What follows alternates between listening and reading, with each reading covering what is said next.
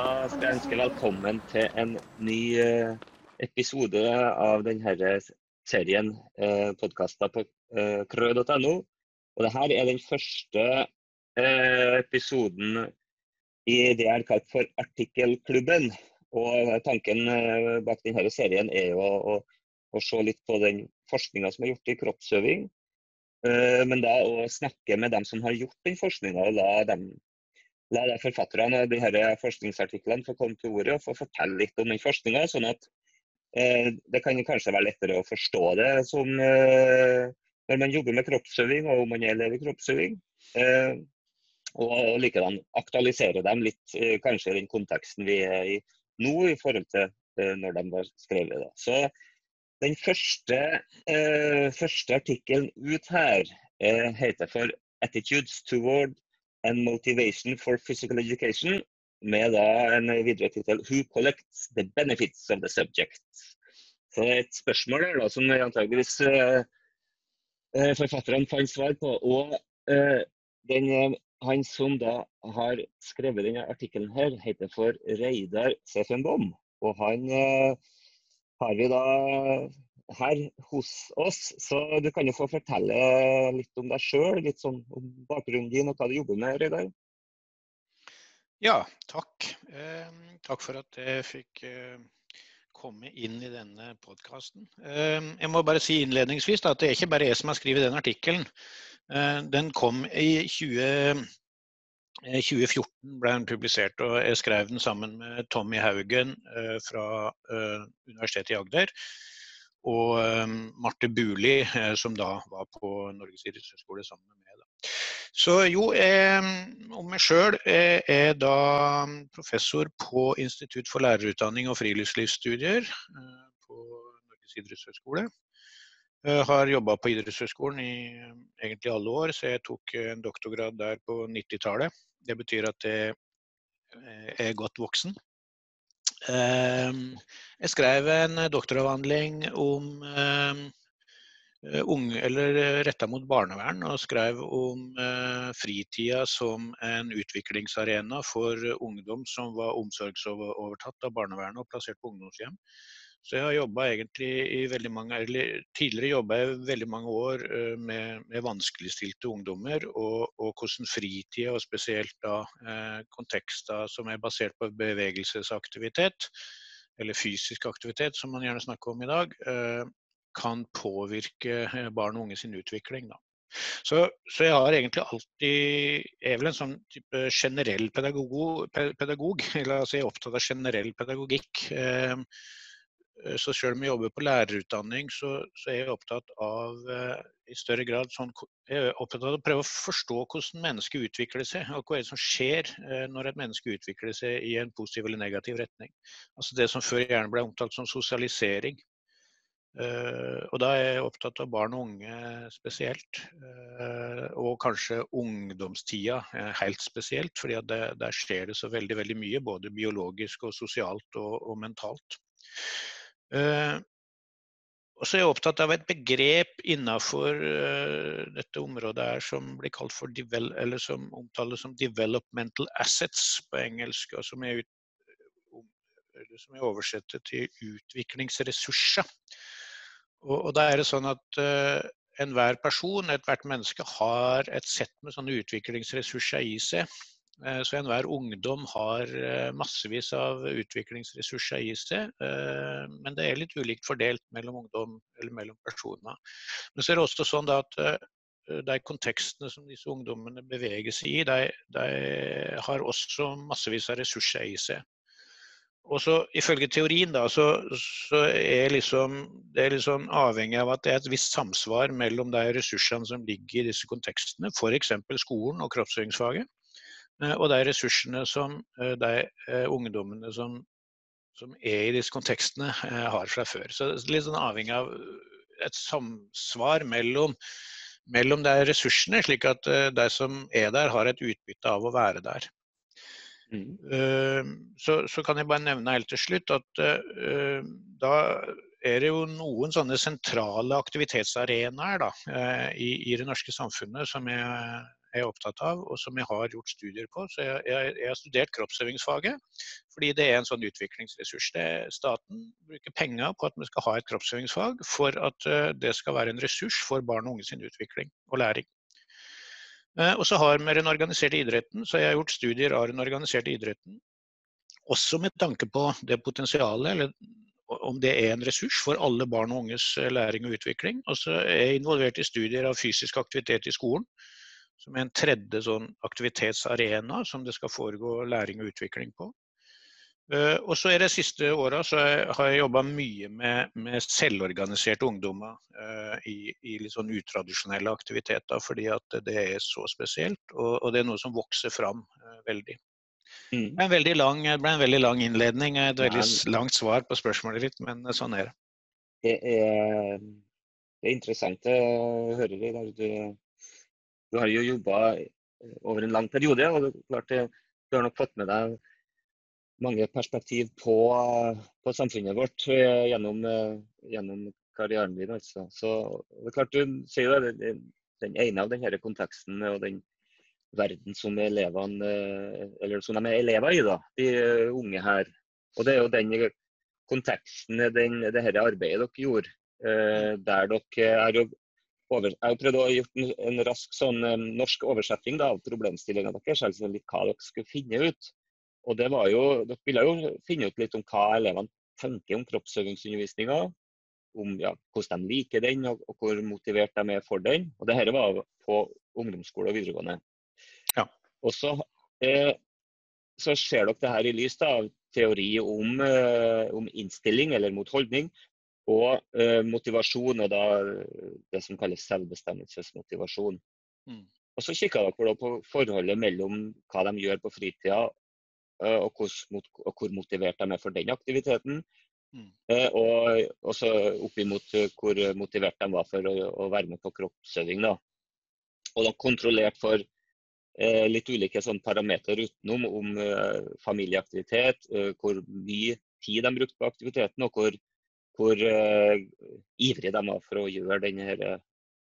Men du kan jo, kan jo si litt om bakgrunnen for, for denne forskninga? Hva, hva, ja. hva var det som gjorde at dere starta det her? Ja, nei, det, det, det, hang jo da litt sammen med, med det som jeg innleda med. At jeg, jeg syns det er interessant å se på det her aktivitetskontekstene som, som staten uh, finansierer, mer eller mindre. Uh, og kroppsøving er definitivt en, en sånn kontekst. Og da, og da, er det jo det er faktisk ganske viktig å vite noe om hva er det for noe jeg lærer, og hvordan, på hvilken måte er kroppsøvingsfaget en utviklingsarena for, for barn og unge. Ja. Uh, og, og, er det sånn at den er lik tilgjengelig, at er ressursene som på sett og vis formidles i denne konteksten her, er der tilgjengelig for alle. Sånn at eh, det er mulig for alle å utvikle seg og alle å lære noe i, i disse timene. Um, og så er det sånn at uh, ut fra dette perspektivet, eller teoretiske perspektivet som jeg har jobba, så, så, så, er det en sånn veldig anerkjennelse om at uh, utvikling foregår i relasjon til sånne utviklingskontekster. Uh, men så er det også sånn at uh, enhver barn og ungdom er da en del av veldig mange sånne kontekster i løpet av en dag. og da hevdes det også, og empiri viser fra tidligere også, at det å studere noen av de kontekstene er veldig isolert. Det, det kan bli veldig feil. fordi at hvis du tenker én ungdom, så er denne ungdommen f.eks. med i både organisert idrett, den er med i en selvorganisert aktivitet, og det kan godt hende det er fysisk aktivitet på skolen, og den er med i kroppsøvingsfaget. Mens en annen elev ø, faktisk ikke er med på noen ting av disse her, kanskje at, eller kanskje må eleven være med i fysisk aktivitet i skolen. Men, men det er sånn at ø, disse kontekstene, altså kroppsøvingsfaget eller Vi hadde en slags hypotese om at kroppsøvingsfaget også blir påvirka av hvordan man deltar eh, f.eks. i organisert idrett. Ja. Så, så, dette var en del av en studie som ble gjennomført i samarbeid med Universitetet i Agder. Jeg hadde en toerstilling på det som da het uh, Høgskolen i Agder. Uh, så der hadde vi et uh, studie så som dermed var opptatt av å finne ut hvordan ungdom i Norge hadde det i den organiserte idretten, og hvordan de hadde det i kroppsøvingsfaget bl.a. Og da var det mulig å finne ut uh, noe om uh, om det var forskjeller egentlig mellom de som deltok i idrett og de som ikke gjorde det. Mm. Hvis, hadde dere noen slags sånn an, altså Ikke at dere hadde noe sånn veldig til for, forutinntatthet for det dere skal gjøre sjøl. Men hva visste man om det her fra før? da? Fra andre studier fra enten utlandet eller fra Norge? da? Nei, det, det fins egentlig ikke så veldig Det fantes ikke og fins fortsatt ikke så veldig mye empiriske studier på dette. her, men, men, det man har vært opptatt av uh, i mange år, uh, det er jo hva er det som styrer, er styrer kroppsøvingsfaget? Hva er det som regulerer innholdet i kroppsøvingsfaget? Uh, og da har man jo snakka om at det finnes en sånn idrettsdiskurs eller en helsediskurs. Altså at det er ideer om uh, hva som trengs helsemessig, eller hva som trengs for å oppnå idrettslige ferdigheter. At, det, det, at sånne forståelser uh, styrer innholdet i kroppsøvingsfaget. Så, mm. så, hvis vi hadde en hypotese, så hadde vi vel en hypotese om nettopp at uh, de som var med i den organiserte idretten og hadde gode erfaringer med å være i organisert idrett, også likte kroppsøvingsfaget. Og hvis det, hvis det, viste seg å bli riktig, eh, så kunne vi på sett og vis ta det som en sånn indikasjon på at eh, det er veldig mye av det som skjer i kroppsøvingsfaget som er veldig likt eh, det som skjer i idretten. Mm. Så, så, Derfor er det viktig å presisere det du gjorde innledningsvis her, Ove. Fordi vi kontrollerte da for elevene sin iver etter å være i aktivitet. Sånn at, eh, fordi at eh, De fleste vil jo si at ja, men det er ikke så rart at eh, de som driver med organisert idrett, også liker kroppsøving. Og at de liker kroppsøving og er mer motivert for det, eller mer indremotivert for det, enn, de som ikke driver med organisert idrett. Men, men, akkurat det har vi da greid å hva skal jeg si, kontrollert. da. Mm. Eh, nettopp fordi at vi spør om det, er, om det er ivrig etter å være i aktivitet. Eh, så, så, den iveren etter å være i aktivitet, den skal egentlig ikke bety noe uh, her. sånn, Eller den har vi på sett og vis Effekten av det har vi tatt ut. da. Så, så, så, det vi gjorde, det var at vi trakk, eller med hjelp av Statistisk sentralbyrå, så trakk vi et representativt utvalg av norske ungdommer. Så vi har altså et utvalg på rett over 2000 uh, ungdommer er, så, så, dette er en uh, representativt utvalg. Uh, så, så, så, det som, som, jeg finner fram til her, det, det gjelder for så vidt alle ungdom i Norge. Da. Mm. Var det da et, Det var jo spørreskjema da dere sendte ut til dem, og så Ja. og det, det her er jo det, det, her er jo det som gjør det så flott å kunne få lov til å jobbe med forskning på det feltet her. fordi i alle år som jeg har jobba med dette her, så har jeg hatt altså så stor hjelp og fått så mye hjelp av kroppsøvingslærere uh, ute i skolen. Uh, vi har hatt studier etter dette her som har vært mer enda mer omfattende. Og vi får alltid hjelp av kroppsøvingslærerne. Så, så, det vi gjorde, det var at vi tok kontakt med de skolene som, som Statistisk sentralbyrå uh, sa at vi skulle bruke i utvalget for at det skulle bli representativt. Og så uh, fikk vi lov til å komme inn i de skolene, fikk tillatelse fra rektor gjennom uh, kroppsøvingslærerne. Mm. Kroppsøvingslærerne rundt omkring på de skolene vi, tok inn i studien, som, um, som hjalp oss, og det var de som hjalp oss med datainnsamling. Så dette var på et tidspunkt der um, teknologien ikke var Den var kommet enda kortere enn i dag, for å si det sånn. Dette vet jo du mye om. Um, i, i kroppsøvingsfaget. Så, så, det var liksom ikke sånn at nødvendigvis alle hadde iPader eller PC eller telefoner som de kunne svare på. Så dette var en sånn rett og slett en papir- og penn-utgave. Uh, så det ble sendt spørreskjemaer til disse skolene, og så sørga lærerne for at uh, de elevene som skulle fylle ut, gjorde det. Og så, så fikk vi resultatene tilbake. Ja.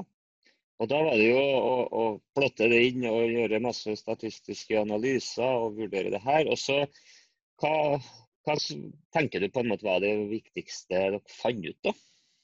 Liksom, var det noe som var veldig sånn nedslående, eller var det noe som var veldig oppløftende?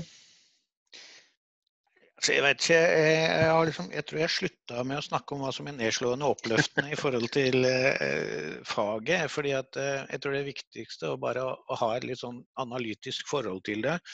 Så, så går det an å diskutere resultatet. Men, men, eh, men, det var en bekreft... Eller hva skal jeg si da? Vi fikk jo vi fikk i hvert fall tydelige tall på at uh, når det gjelder holdninger til faget, uh, så er det altså over halvparten av elevene som, som syns at faget er bra, og at det skal fortsette å være sånn som det er. Eller det var det de svarte da i 2013. Det var vel da vi hadde datainnsamlinga, tror jeg, så det er en stund siden.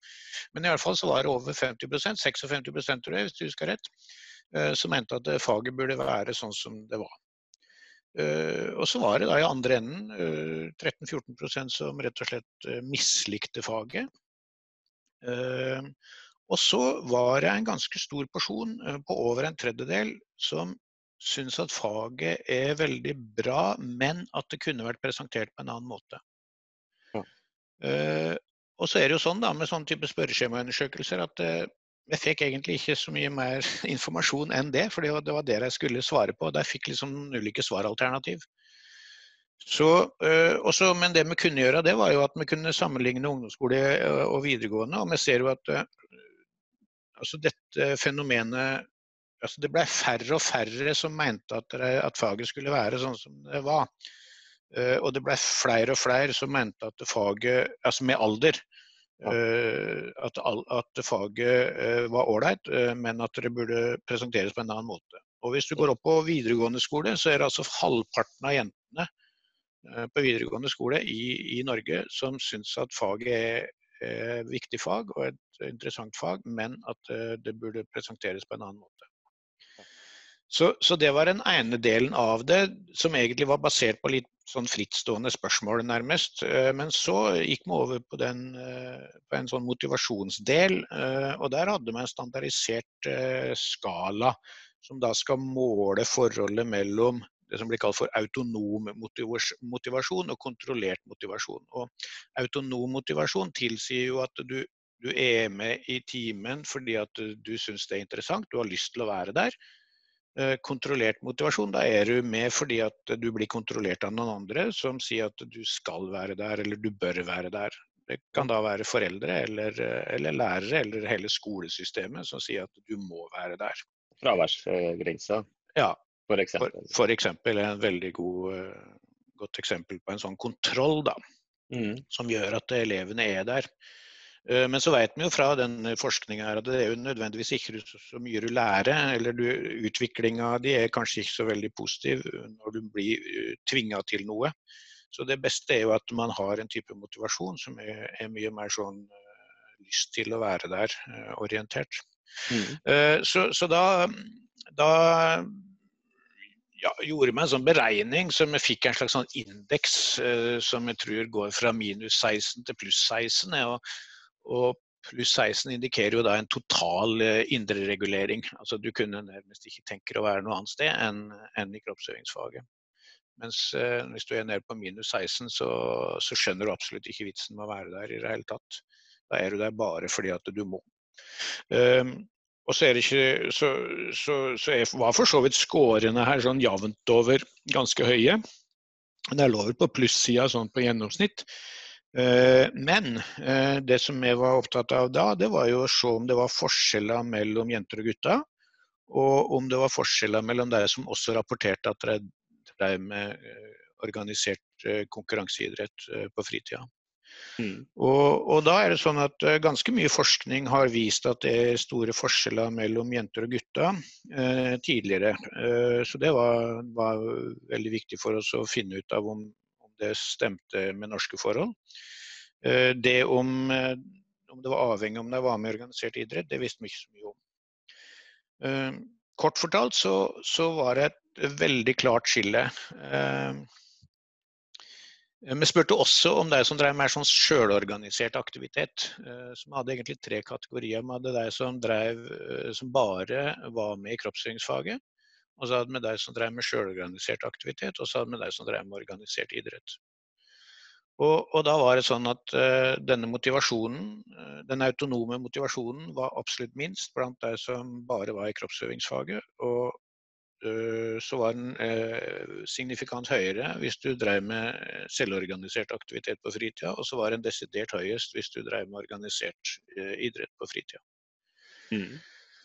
Og når vi så på effekt, eller hva skal jeg si, forskjellene på, på de tingene her sammen med kjønn, så, så ble egentlig kjønnsforskjellene borte. Eh, det eneste vi kunne se, det var at jenter som ikke drev med noe annet enn var med i kroppsøvingsfaget, de sleit, eller de hadde mer kontrollert motivasjon enn, de, enn gutta som ikke drev med noen aktivitet på fritida.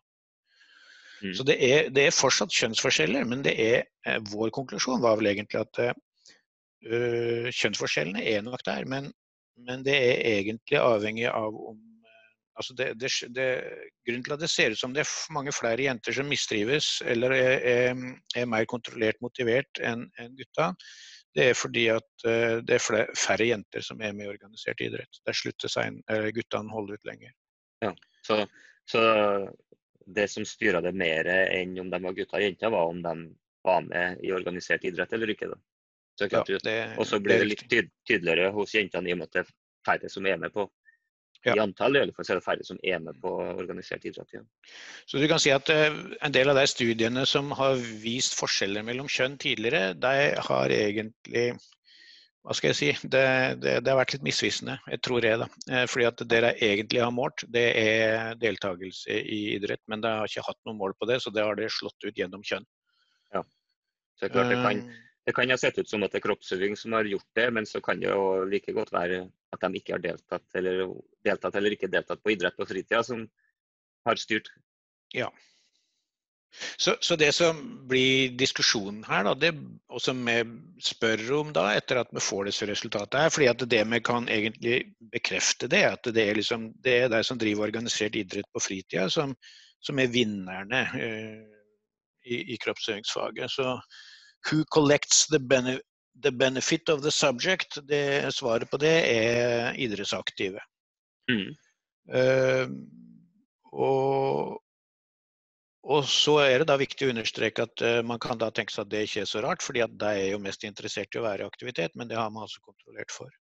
Ja. Uh, og, så, og, og, da blir liksom spørsmålet kan det være sånn liksom, at det er så store likhetstrekk at, uh, at det blir de eh, som driver med organisert idrett som, som er mest motivert. Og, og, Det vi begynte å spekulere på da, det var jo at hvis vi ser for oss aktiviteten, så er det klart at det er veldig mange aktiviteter i kroppsøvingsfaget som er veldig likt det man driver med i organisert idrett. Altså Man spiller fotball, og man uh, spiller volleyball, og man,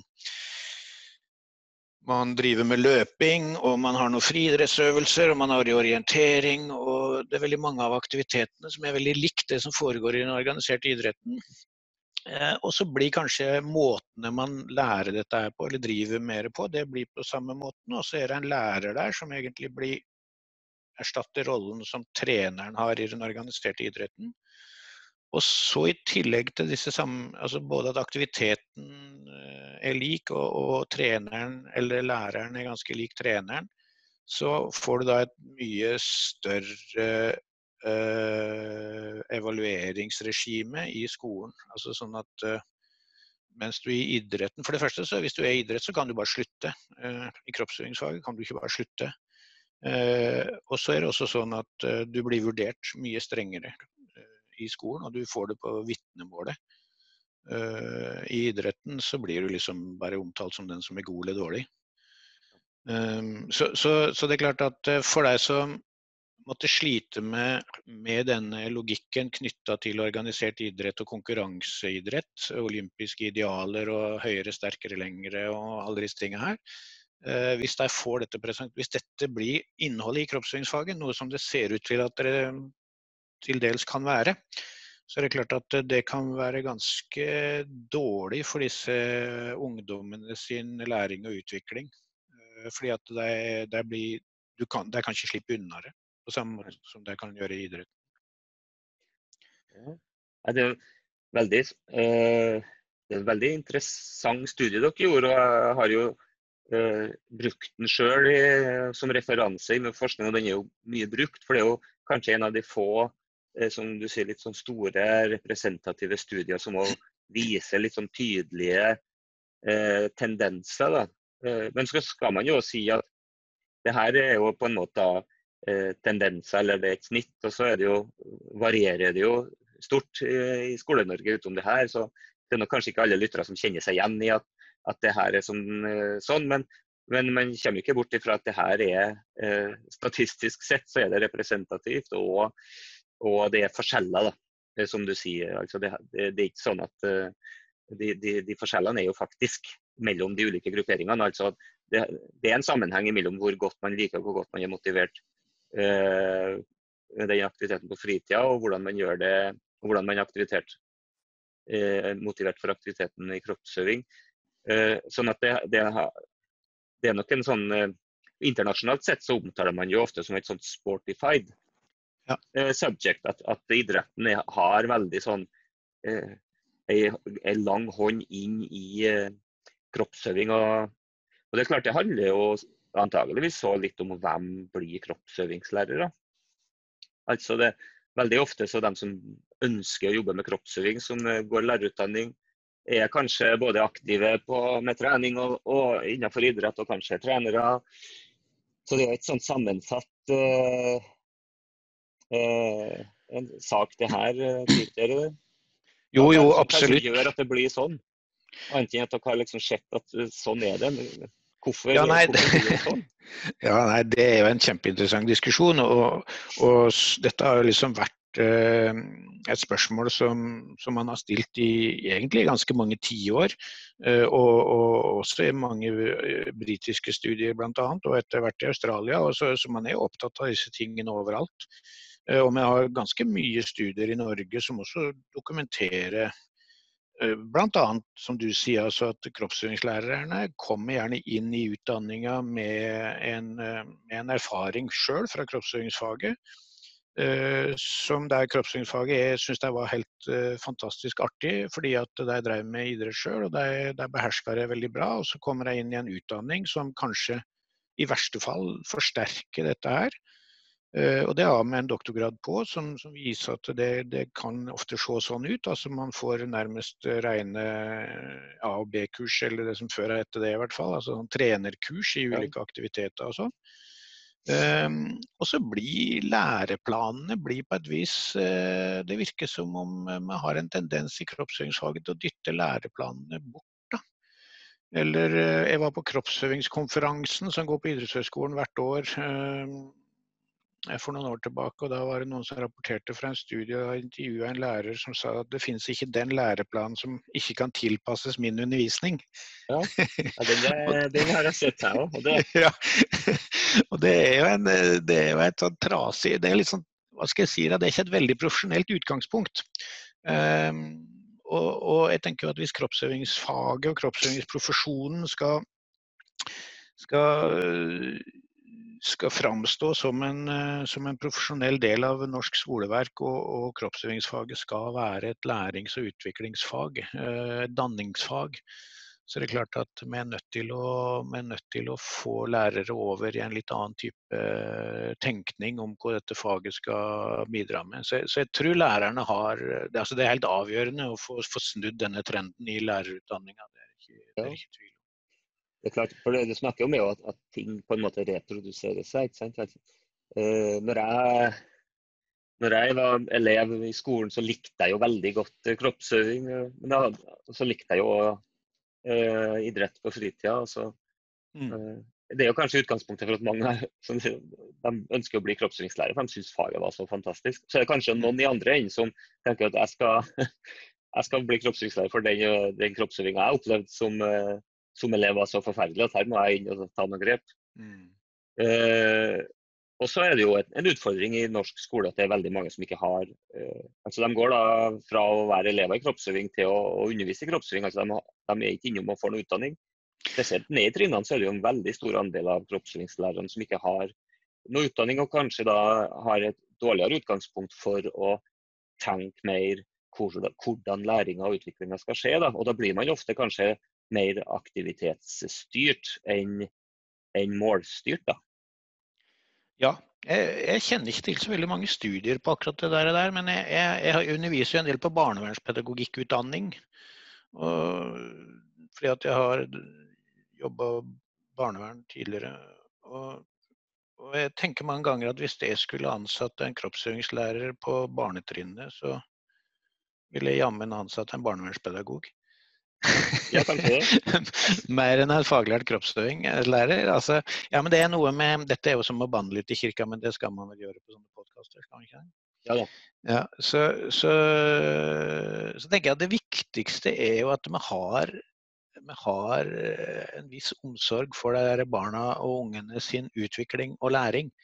Eh, men det er klart at hvis du setter inn ufaglærte folk i kroppsøvingstimen som har eh, et sånt vagt minne om hva kroppsøvingsfaget skal handle om, og så lar det styre eh, den undervisninga, og at den blir bare egentlig tilfeldig, det klassiske eksempelet på at man kaster ut en ball og, og sånn, så blir det jo veldig feil.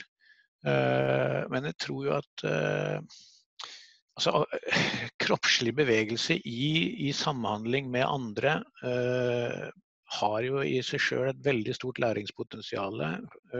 Eh, og det er nesten sånn at man tenker at hvis man er sterk nok pedagog, god nok pedagog, så greier man å virkelig få noe godt ut av det. Eh, og i hvert fall hvis man da har en ganske vettug eh, læreplan. Og det føler jeg jo at vi har nå. Men, men, men, jeg har jo bare lyst til å si at jeg har jo hatt en, en doktorgradsstudent i ettertid av denne studien jeg ble gjennomført, så, så dette har jo, det har jo blitt gjort noen nye studier som egentlig er enda mer interessant enn denne studien her, av eh, Irina Erdvik. Ja, det er litt om, har... det er på en måte en litt oppfølging av denne studien? Ja, det, det er absolutt det. Irina på Universitetet i Innlandet Hun skal disputere Hun leverte egentlig her i høst, men så fødte hun et barn, og så, så har hun ikke fått forsvart doktoravhandlinga si, så hun skal gjøre det ut på høsten en gang, tenker jeg. Men hun har eh, levert noen publikasjoner og, og noen, noen artikler, og er, noen av dem er publisert, så det er tilgjengelig. Eh, og Det er en oppfølging av, eh, av denne studien som vi nå har snakka om. Men hun ser da på tilfredsstillelse av psykologiske behov blant elevene i kroppsøvingsfaget. Og så gjør hun egentlig det samme skillet hun ser på deg som, bare, som ikke deltar på noen andre aktivitetsarenaer enn i kroppsøvingsfaget. Og så sammenligner hun den gruppa med alle de andre som da er med i organisert idrett eller selvorganisert aktivitet, eller begge deler. Og så ser vi jo at det, det er jo den gruppa som da ikke er med på noe annet, uh, som får tilfredsstilt sine grunnleggende psykologiske behov uh, dårligst i kroppsøvingstimene. Ja. Og det er klart at hvis vi skal tenke at hvis du skal tenke at kroppsøvingsfaget også skal bidra til eh, bevissthet om egen helse og helseatferd og sånne ting, så, så, er det veldig uheldig at vi da ser at de får tilfredsstilt sine behov dårligst. Um, og, og, så har hun i tillegg sett på forholdet mellom uh, i hvilken grad man får dekka disse behovene, og, og, og eh, eh, generell selvoppfattelse. Og, og, det står jo i læreplanen at man skal, kroppsøvingslæreplanen at man skal jobbe med elevenes oppfattelse av seg sjøl.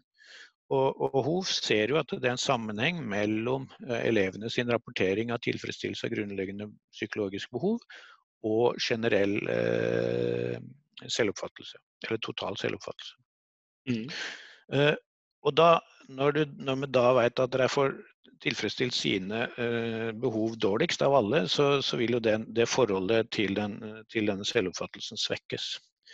Så, så i hennes studie bekrefter egentlig veldig mye av den studien vi gjennomførte fem år før. Uh, der hun ser at det er veldig store forskjeller i faget i forhold til hva skal vi si, faktorer som påvirker elevene sin læring og utvikling. Da. Ehm, og hun har også gjort en del andre studier som egentlig bare bekrefter denne idrettsdiskursen.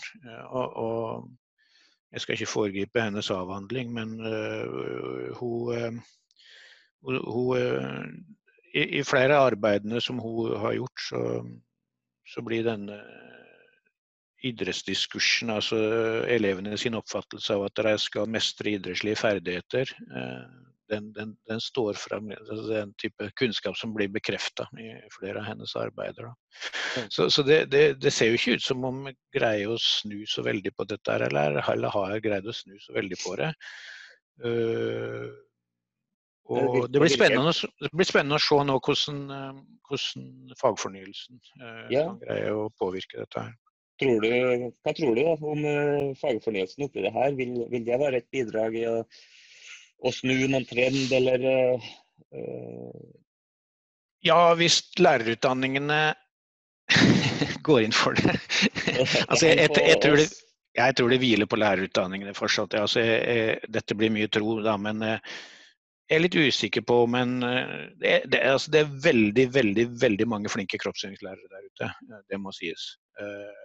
Og jeg, jeg har, eh, har, stor respekt for det arbeidet. Jeg har jobba som kroppsøvingslærer heldigvis i ganske mange år, og jeg har stor respekt for det arbeidet som gjennomføres. Og, og jeg er ute og ser på praksisskoler til studentene våre, eh, og ser at det foregår veldig mye bra.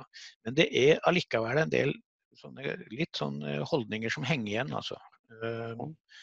Eh, så, så, det er alltid moro å, å, spørre praksislærere, f.eks. når de snakker ah, det, er, det er veldig flinke elever, sier jeg. Det er veldig, det er veldig motivert klasse.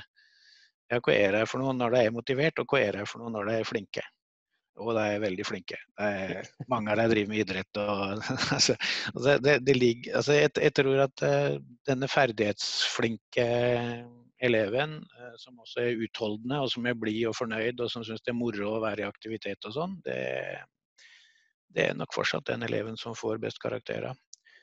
Uh, mens hvis man går inn i fagplanen og ser på hvor det egentlig skal bli målt på, så, så ville kanskje bildet sett litt annerledes ut da.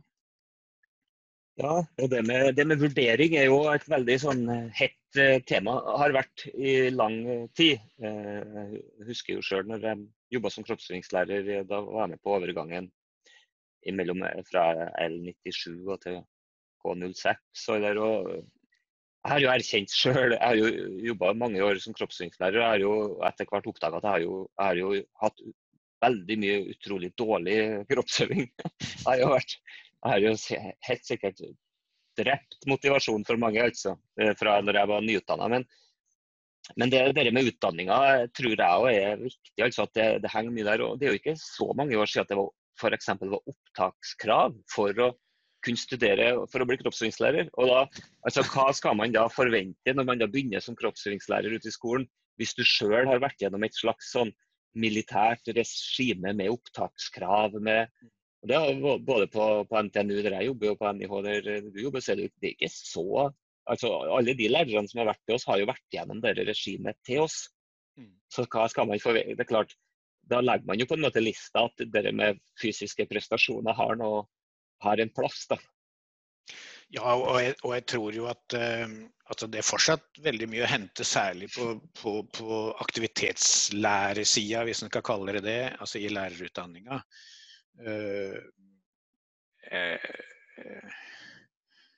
altså jeg, jeg, tror vi, har, har en god, godt stykke vei å gå, alle lærerutdanningsinstitusjonene i Norge, vil jeg påstå. Også min egen eh, institusjon, Norges idrettshøgskole, har en god vei å gå i forhold til å, å, å, å ut, hva skal jeg si, eh, anvende det potensialet da, som, som ligger i ulike eh, sjangrene. altså med, med, på, på, praktisk pedagogisk utdanning på NIH, som jeg har ledet i mange år, så har vi operert med aktivitetssjangre.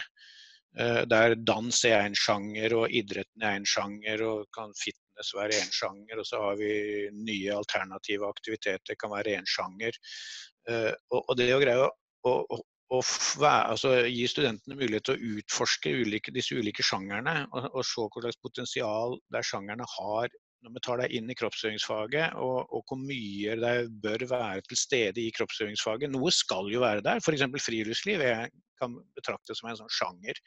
Så friluftsliv, dans og, og alternative aktiviteter, og for så vidt idrettsaktiviteter, skal jo være der. Men målet må jo være at elevene får et forhold til disse sjangrene.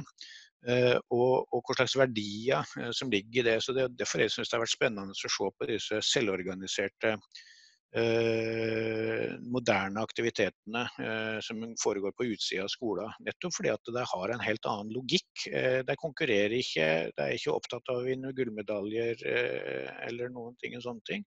Men de lærer veldig mye, og de, de driver med det, det, det, utvikler seg veldig gjennom å være i bevegelse. Så, så poenget er at det, det er knytta ulike meningsforståelser til disse sjangerne.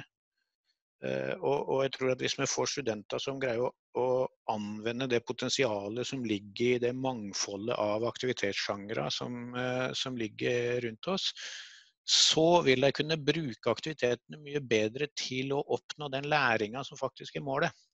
Mm. Eh, men vi kan ikke starte med aktivitetene. Vi kan ikke starte med å si at vi skal ha på, at på høsten skal man ha orientering, og, på, og så skal man ha friidrett, og så skal man ha volleyball.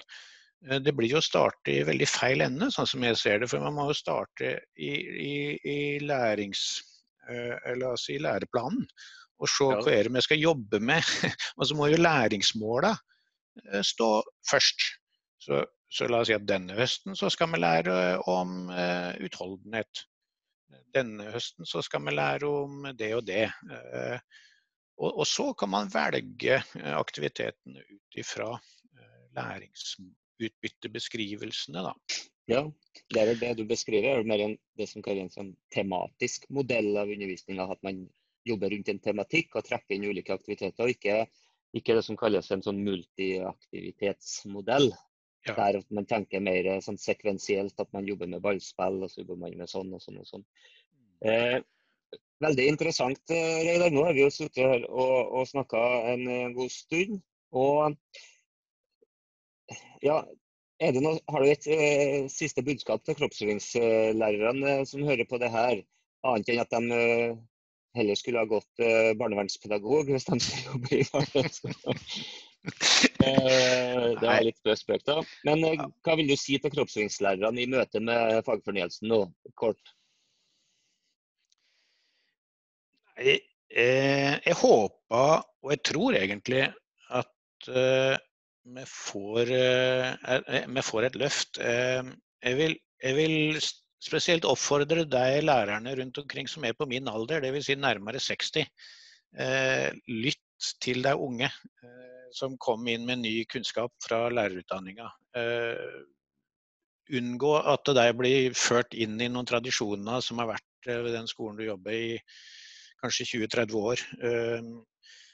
Så og så reis litt sånn altså jeg, jeg, tenker at Vi trenger noen saklige diskusjoner. Vi trenger, noen, vi trenger noen diskusjoner om læring og elevene sin utvikling. Uh, vi trenger ikke så veldig mye diskusjoner om aktiviteter. Vi trenger ikke å dra på så veldig mange etterutdanningskurs der vi skal lære nye aktiviteter. Jeg tror vår profesjon trenger noen diskusjoner om, uh, om pedagogikk og didaktikk uh, i større grad.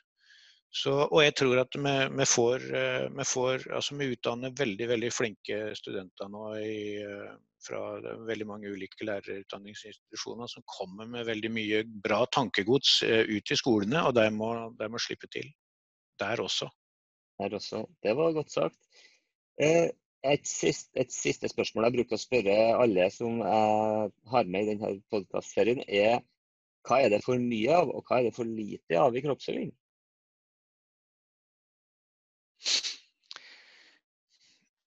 Jeg tror jeg nesten vil svare litt på samme måte. Ja. Altså, jeg tror det er for lite av eh, faglige diskusjoner. Eh, jeg, jeg glemte å si det i stad. Jeg driver og utvikler en skala nå eh, som skal The Purpose of Physical Education Scale. altså Der vi skal måle elevene sin oppfattelse av hva som er meningen med kroppsøvingsfaget.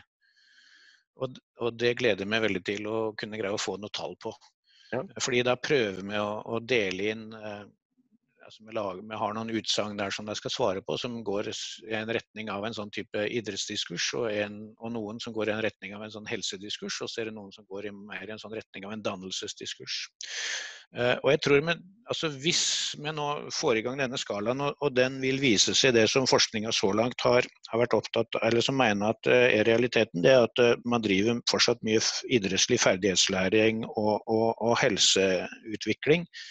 Og ikke så veldig mye selvutvikling og danning. så, så, er det klart at da må vi ta en diskusjon om om vi skal fortsette med det eller ikke. Uh, så ja, svaret mitt er omtrent sånn som det samme som i stad. Altså, hva er det for lite av, og hva er det for mye av? Jeg, tror i hvert fall det er for lite av uh, pedagogiske diskusjoner om, om faget sitt innhold.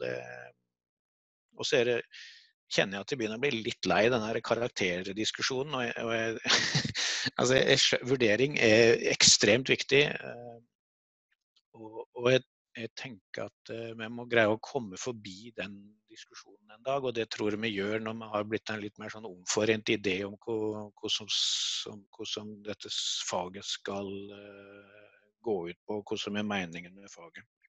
Ja, da, med det så sier jeg tusen takk Reidar, for en veldig interessant samtale. Så håper jeg at du som lytter òg har syntes det her har vært interessant. og har du mm, ideer om hva vi bør snakke om, eh, så må dere gjerne kommentere på nettsida eller sende meg en e-post. Så skal jeg nok alltids finne en forfatter av, en, av, god forskning som vi kan diskutere ulike aktuelle eh, tematikker med. Da. Men det her har vært veldig eh, interessant, Reidar, så jeg sier eh, tusen hjertelig takk.